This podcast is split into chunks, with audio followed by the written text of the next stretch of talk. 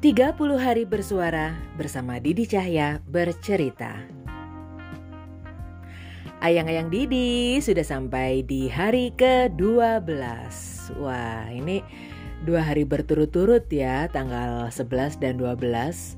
Aku posting di Didi Cahya bercerita ini dalam 30 hari bersuara mendekati deadline jam 00. Kalau biasanya posting itu sesudah jam 00, ini sebelum jam 00, sebelum ganti hari. Ya, menyenangkan, menyenangkan sekali ya.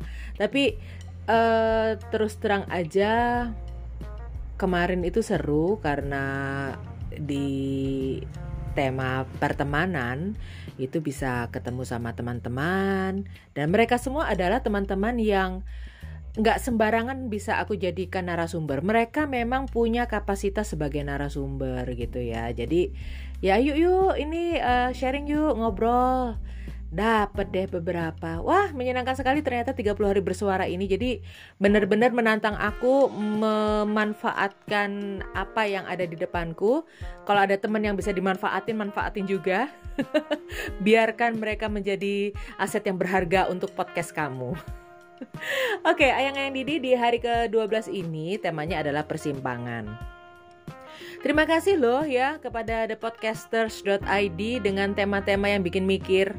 Karena sempat awalnya aku mikir gini, aduh kalau persimpangan ini kan uh, kebanyakan aku nggak tahu nih tebak-tebak buah manggis.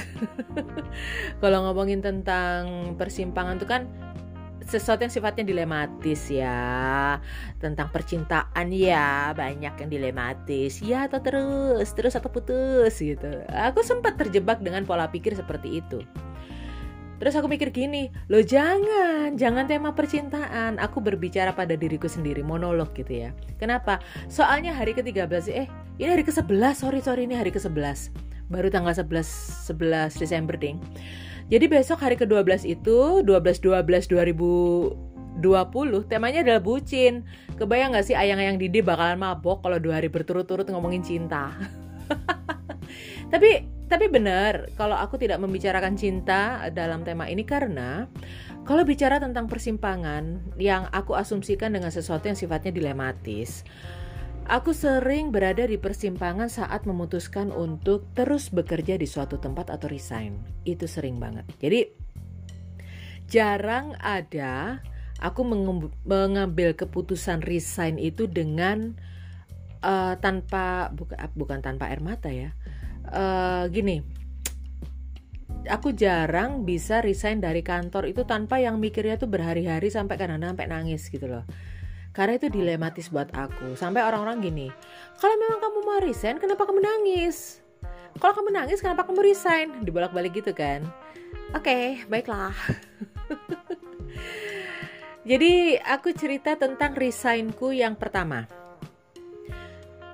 Itu kalau yang ini tidak tidak di persimpangan. Jadi aku benar-benar sudah memutuskan untuk resign dan aku mantap dengan keputusan itu. Namun Uh, mentorku waktu itu kan aku uh, di posisi sebagai copy editor ya, editor tulisan gitu sebelum aku terjun ke dunia radio. Itu memutuskan uh, daripada kamu resign, kamu kan punya bakat nulis. Kamu kan dulu pernah jadi reporter waktu kuliah. Kamu jadi wartawan aja ya floating. Jadi mau resign gak jadi, nggak boleh. Habis itu jadi gini, aku kerjanya itu kan di harian ya. Kalau harian itu kan berarti setor tulisan itu kan malam. Bahkan bisa dini hari atau sesudah sesudah ya sesudah jam 00 apalagi waktu itu uh, peristiwa ledakan WTC 11 September hmm, sampai pagi ya Bo gitu karena semua divisi translator semua divisi internasional nggak boleh pulang termasuk aku jadi jadi aku ngalamin banget gitu. Aduh aku aku sih memang pekerja malam tapi tapi kok aku tidak menikmati ya. Makanya aku resign sebagai copy editor nggak dikasih. Uh, akhirnya aku dipindah floating ke desk ini itu ini itu ini itu yang aku resign lagi. Jadi setiap aku resign gitu ya dari desk ini tadi pindah ke desk itu ntar dari des itu aku mau pindah uh, aku ngajukan resign di ajuin lagi dipindahin ke des yang sana gitu. Sampai akhirnya proses resign itu adalah beberapa bulan yang aku gini sekali lagi aku resign terus aku nggak nggak aku dipindah desk udah deh gue gue kasih tuh uh, redaktur redaktur jam dinding satu persatu.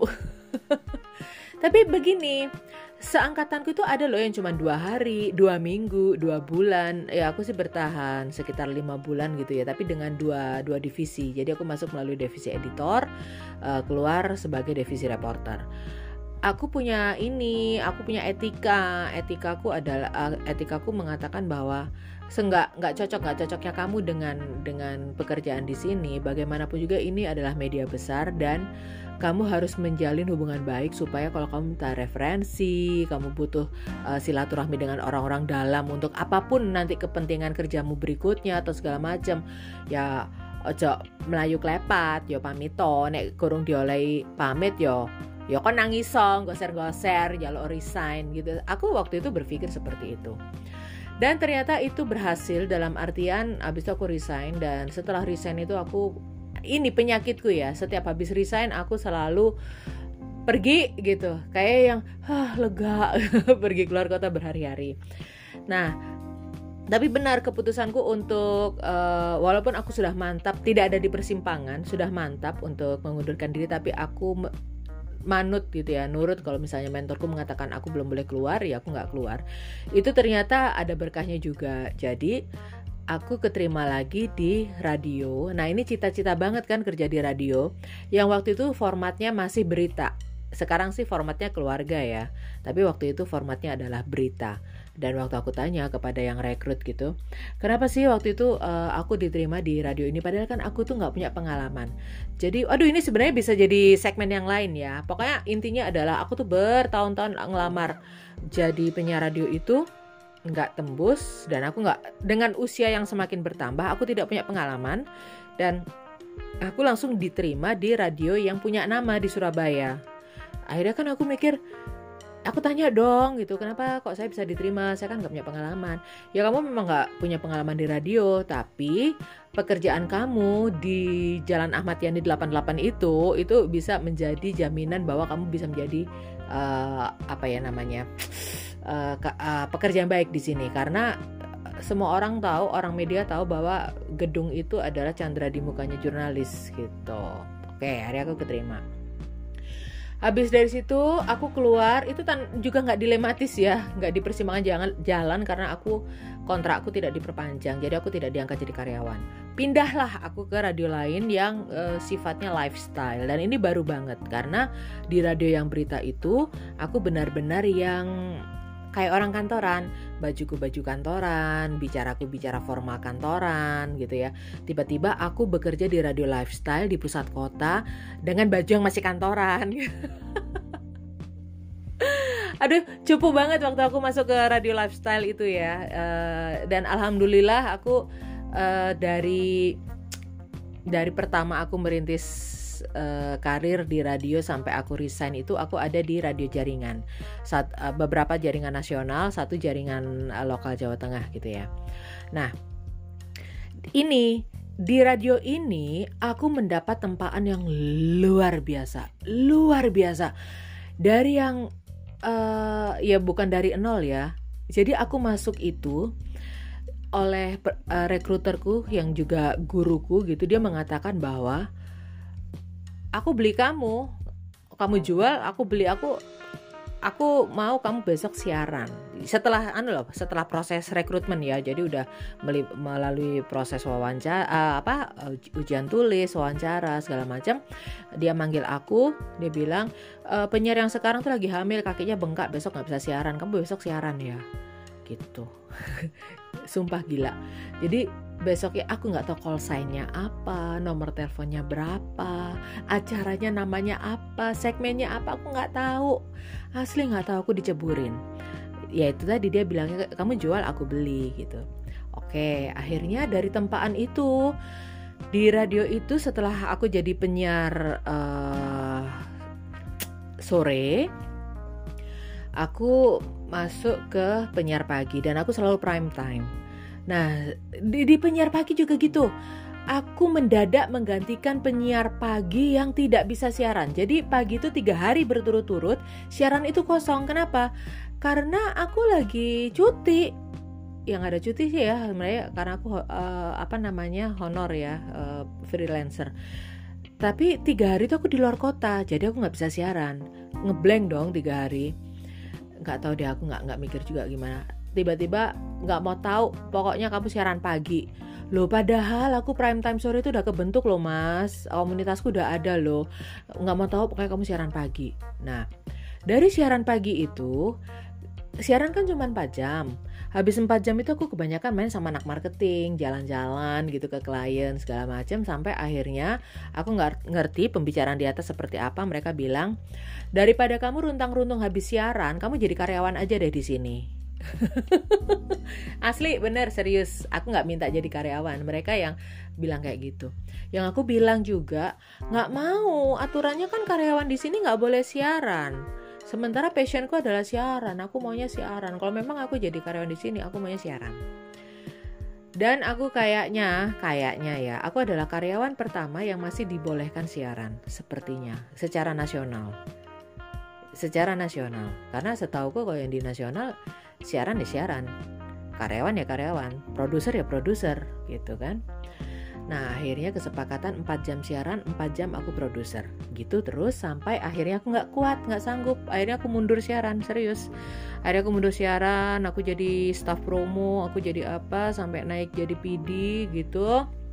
Ini dia ada satu dilema yang membuat aku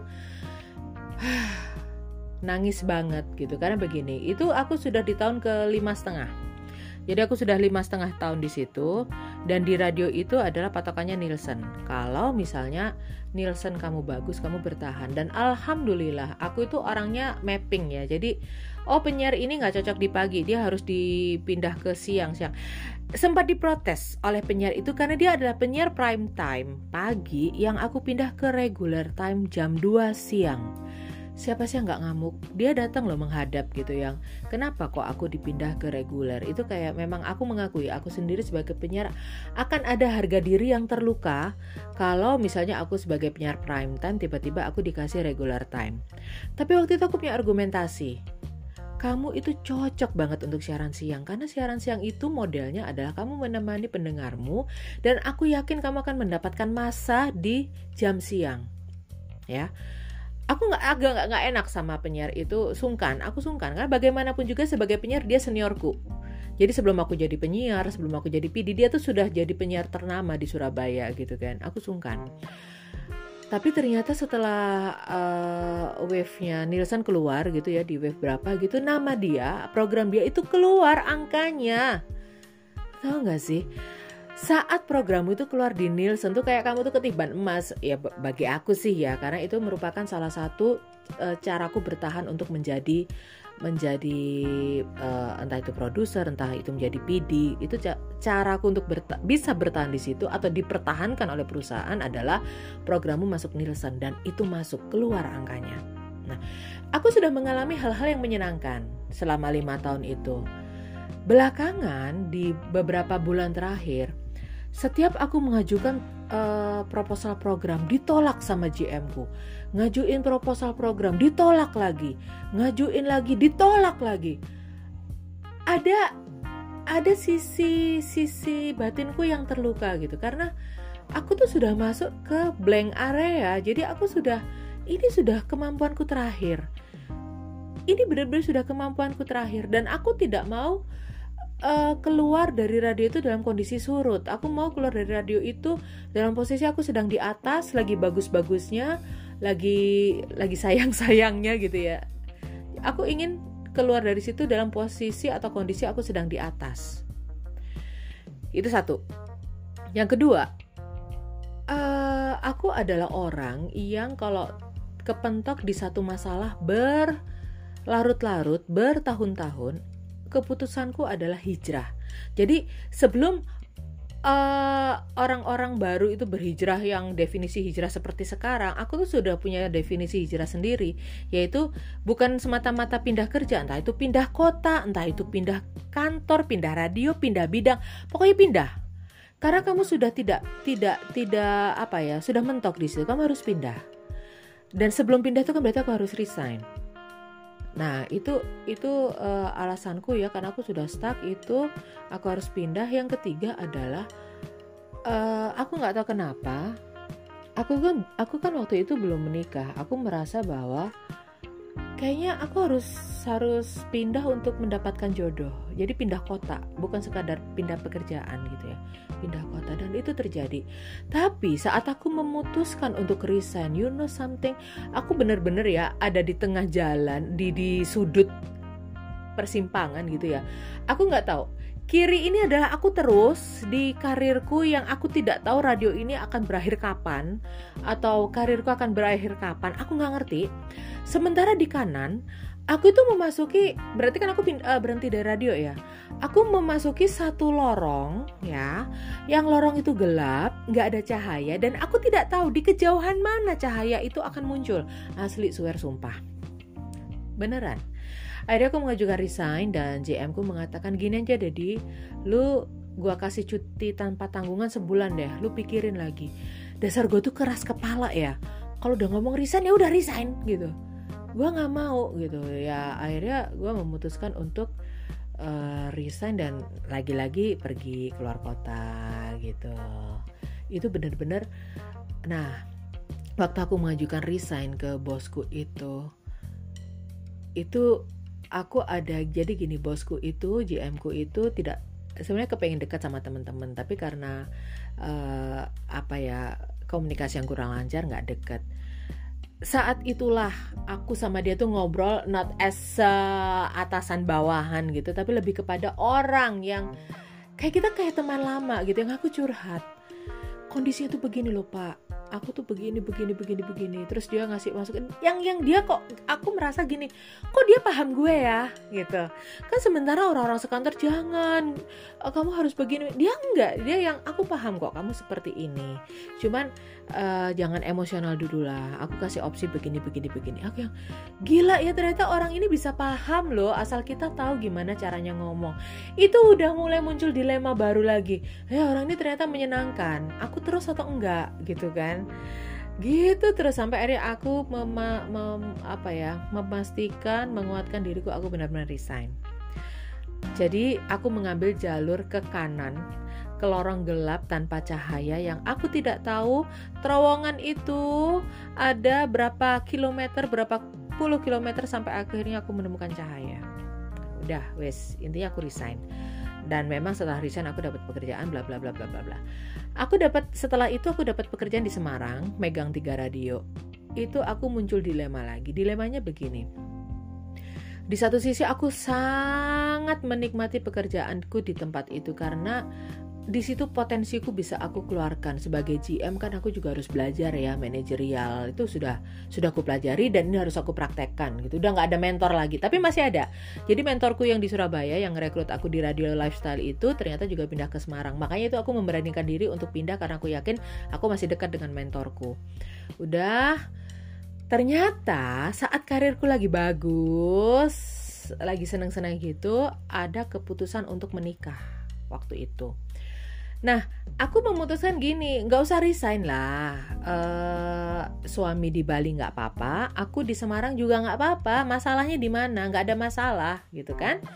Oke, kita udah hitung-hitung ya nih. Oke, oh dengan gaji segitu aku segini bisa lah. Kalau ya bisa, pokoknya bisa gitu.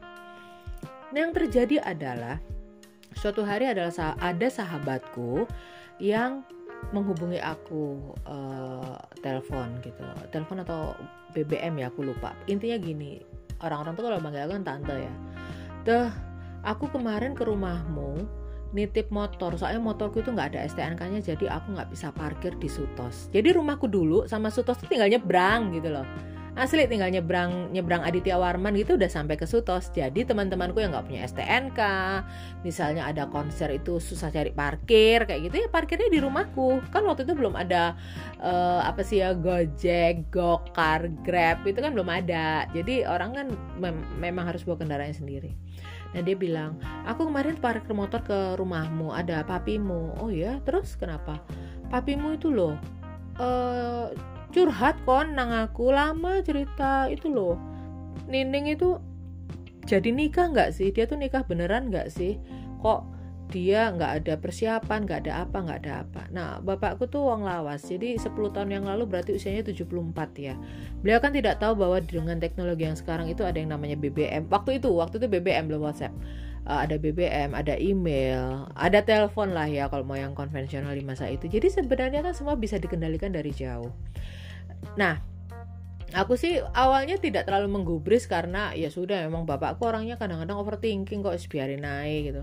Tapi kasihan loh papamu tuh kepikiran kamu tuh jadi nikah atau enggak? Aku temenku ngomong gitu papamu tuh kepikiran. Aku jadi akhirnya aku jadi kepikiran kan. Kepikiranku tuh begini ayahku tuh punya diabetes dan kalau uh, beliau itu kepikiran ya kepikiran sesuatu gula darahnya naik dan itu sangat tidak bagus untuk kesehatannya.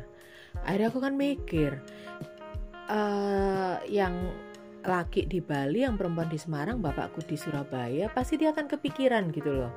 Tapi seandainya uh, yang satu di Bali yang satu nemuin bapakku di Surabaya paling nggak dia ayam ya ampun kok ya aku tuh masuk ke posisi persimpangan lagi. Aku disuruh milih lagi kan berarti uh, menikah tanpa resign atau menikah dengan resign itu milih lagi. Dan itu aku kok gini ya? Aku enak-enak kerja dengan posisi bagus sebagai GM sudah menikmati aku mempraktekkan pelajaran-pelajaranku di uh, sebagai manajer di radio lifestyle dulu.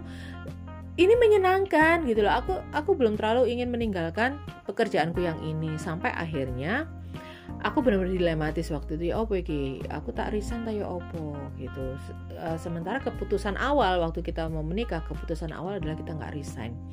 Kok ya alhamdulillah ya dilalah kersane Allah gitu. Ada permasalahan-permasalahan yang bermunculan yang membuat aku kalau masalah di pekerjaan ini aku fokuskan aku ini pernikahanku ini ribet karena ya, ya, ya ribet gitu. Karena aku kan nggak nggak ya mempersiapkan sendiri. Pernikahan itu kan bukan hanya ritualnya ya akad ritual dan tapi kan setelah itu kan banyak yang harus dimulai banyak yang harus dipelajari. Sementara pekerjaanku yang di sini kok ruwet gitu. Aku gini apakah ini jawaban Tuhan atas uh, aku permohonan petunjuknya aku saat di persimpangan gitu? Ada ya sudah aku putuskan bahwa aku tak nganan maneh masuk lorong lagi. Jadi resign kiri itu pokoknya jalur radio tuh kiri gitu ya. Aku nganan lagi ke satu terowongan yang gelap. Tapi paling enggak ada cahaya dikit-dikit lah di situ. Maksudku ya ini kesalahan pikirku. Ini ini ini salah satu cara berpikirku yang salah.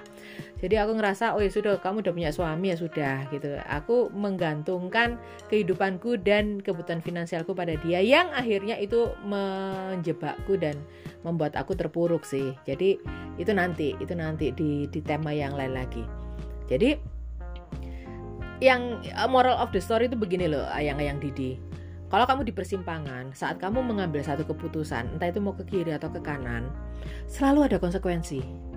Nah, konsekuensi itu ada yang kelihatan di depan. Jadi kita kita tahu, oh kalau ngambil keputusan ini konsekuensinya ini, kalau ngambil ini keputusan ini konsekuensinya ini. Kadang-kadang konsekuensi itu udah kamu jalani nih setengah jalan, nah, ternyata kondisi berubah. Di ujung lorong itu ternyata semuanya udah berubah gitu. Bener sih di ujung lorong situ ada cahaya, tapi ternyata uh, cahaya ternyata bawahnya itu air terjun gitu. Kamu harus terjun. Sampai kamu harus kentir lewat sungai gitu. Kita nggak tahu apa apa konsekuensi dari keputusan kita saat di persimpangan jalan. Yang nextnya ya jadi yang kelihatan di depan mata itu ada kok. Oh iya, kalau aku resign konsekuensinya adalah aku nggak punya uang begini begini begini. Tapi konsekuensi di sebelah kanan adalah aku akan mem memulai petualangan baru yang aku orangnya ini uh, uh, uh, impulsif dan berani mengambil resiko. Uh, ya sudah akan ada konsekuensi pahit gitu ya ya pahit temenan gitu makanya aku aku aku hari ini di di dimotivasi oleh temanku untuk berhentilah berpikir yang pahit-pahit gitu ber, berpikirlah yang manis-manis karena nanti langkahku ke sana. Itu nanti bisa jadi tema podcast yang lain. Oke. Okay? oke okay, finally aku uh, resign menikah bla bla bla. Nah habis aku nganggur lama guys gitu kan nganggur lama.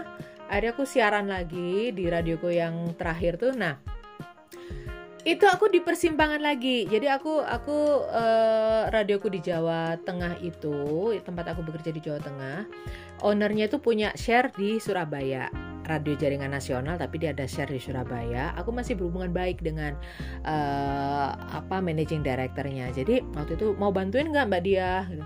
mau deh siaran aja. Siaranlah aku di situ. Setelah beberapa tahun aku tuh banyak dapat project menulis yang mengharuskan aku keluar kota Sungkan dong aku sering bolos siaran, aku sungkan. Akhirnya aku resign. Nah, ya ini dilematis ya, awalnya dilematis tapi udahlah aku tak resign Setelah itu project-project selesai, nganggur lagi. Kerjalah aku di cafe. Ini aku masuk ke dunia dilematis lagi. Kenapa?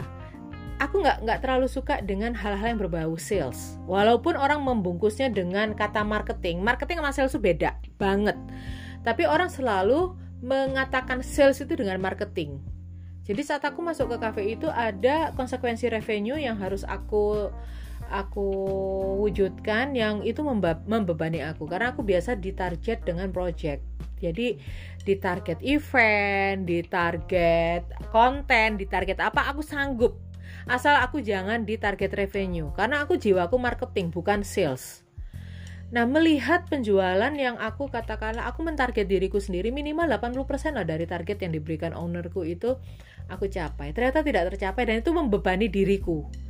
Dia sih nggak kebebanan kali ya.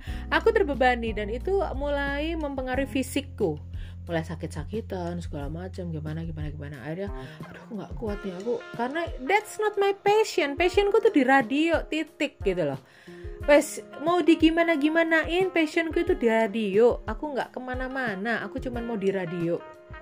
Jadi uh, waktu waktu itu seharusnya kalau aku memutuskan untuk resign dari cafe itu seharusnya nggak dilematis dong aman dong. Ini enggak. Aku tuh bener-bener nangis kejer ya Uh, saat aku memutuskan untuk resign. Kenapa? Karena bosnya tuh temenku gitu loh. Dia ya alhamdulillah sampai sekarang bersahabat ya. Makasih mas Adit. Kamu masih bersahabat dengan aku.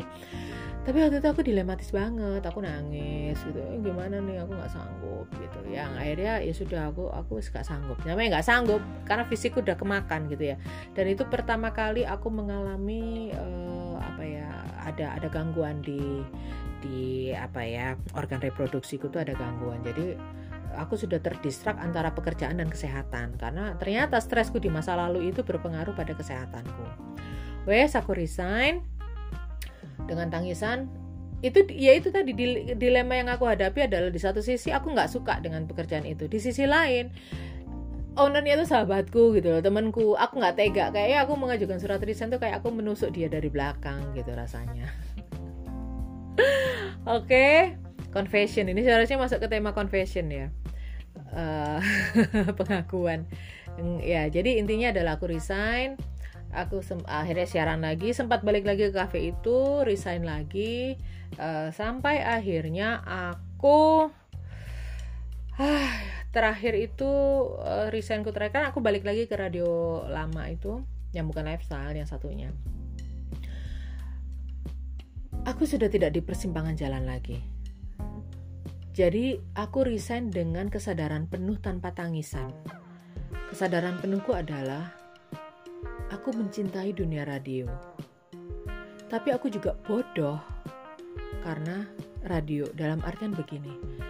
Aku sangat menyukai pekerjaan di tempat yang bisa membuatku berkembang, di tempat yang bisa membuatku bersinar, di tempat yang bisa membuatku melakukan banyak hal dan that's my playground gitu ya tapi ternyata di sini aku ngerasa stuck stuck itu bukan karena tidak diizinkan untuk bermain tapi karena tidak tidak ada tim yang bisa aku ajak untuk bermain jadi timku itu kemarin sudah dalam posisi yang benar-benar nyaman, nyaman lah mereka.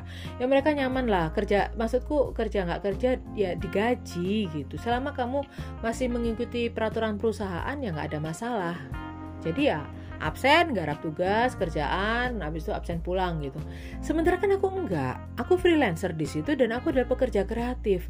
Rasanya aku pengen bikin ini bikin itu bikin ini bikin itu tapi aku nggak punya akses. Aku nggak punya akses. Aku waktu itu udah bilang tak bantu deh programnya aku tak bantu di program nanti aku bisa bantu marketing. Mereka kekeh gitu enggak kamu uh, di sini lowongan yang ada marketing loh saya lah maksudku adalah begini. Nggak apa-apa aku ikutan marketing. Cuman ya itu tadi aku aku nggak bisa ditarget billing nggak bisa ditarget angka. Karena memang pekerjaanku itu sebenarnya ya marketer marketer itu kan dia membuat satu satu strategi sampai akhirnya produkmu itu bisa dijual. Bisa dijual tapi bukan kamu yang menjual. Yang menjual tuh sales ya kan?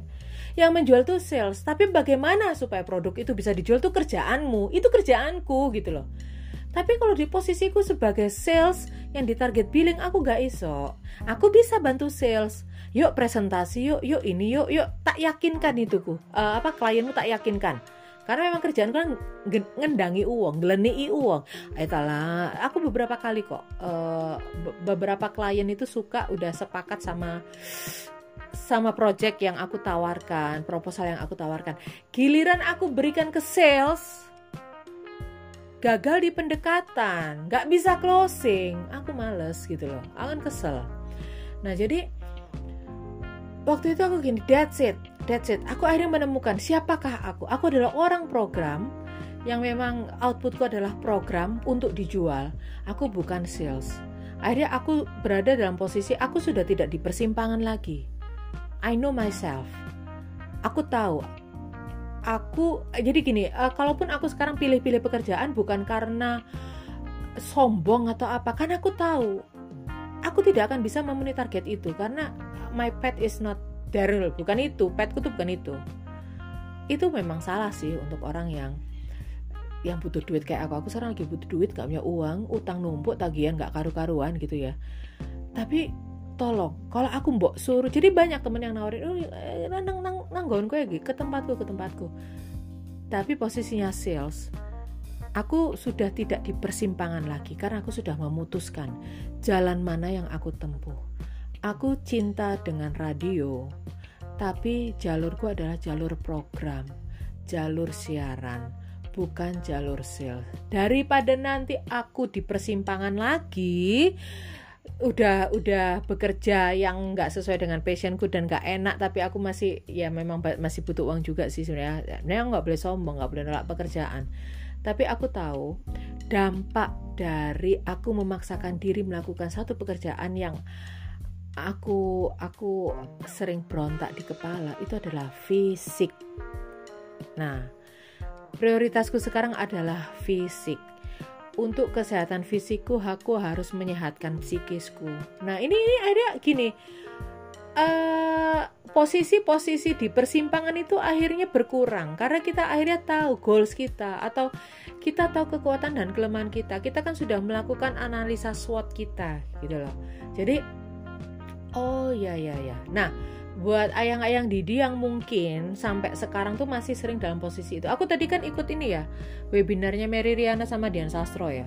Itu kebanyakan pesertanya itu UMKM, pelaku UMKM dan banyak yang muda. Mereka tuh dalam persimpangan yang harus memilih gitu kan. Milih kuliah atau UMKM atau bisnis yang sudah dirintis. Milih online atau offline. Milih ini atau itu. Hey, halo jadi sekali lagi ayang-ayang Didi siapa pun di antara kalian dengan apa pun posisi kalian di persimpangan, apa pun pilihan yang diberikan. Satu yang perlu diingat, setiap pilihan ada konsekuensinya. Ada enaknya, ada pahitnya. Yang membedakan adalah konsekuensi itu ada yang terlihat di depan, ada yang tidak terlihat. Ya, tak ulangin ya apa pun keputusan kita saat di persimpangan itu ada konsekuensinya dan konsekuensi itu ada pahitnya, ada manisnya, tapi ada juga konsekuensi yang tidak terlihat. Jadi kita mau memprediksi seperti apa, kita udah forecasting ya, sudah forecasting, sudah bikin bisnis plan, tapi selalu ada kan ada konsekuensi yang tidak terlihat. Misalnya, tahun 2019 kalian memutuskan untuk resign karena merintis usaha. Apa kalian tahu 2020 akan ada pandemi? Padahal kalian sudah terlanjur mengambil keputusan saat di persimpangan itu untuk resign atau tidak. Ya kan? Ternyata kalian udah bikin bisnis plan bisnis plan kan akhirnya kalian memutuskan oke okay, aku resign karena prospek bisnisku seperti ini ternyata 2020 kayak nginin jungkel kan awakmu nah jadi apa sih yang harus kita lakukan saat kita di persimpangan itu tadi kan yang uh, teori hedonnya ya. Temanku bilang kamu tuh sebenarnya nggak hedon kok dia terserah lah.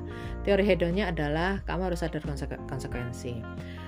Teori uh, spiritualnya adalah apa pun keputusan yang kamu ambil saat di persimpangan dan apa pun konsekuensi yang kamu hadapi ingatlah bahwa uh, kamu adalah manusia yang mempunyai keterbatasan tapi imajinasi dan pikiranmu tidak. Keterbatasanmu itu adalah jangan sampai kamu melanggar agama dan moral.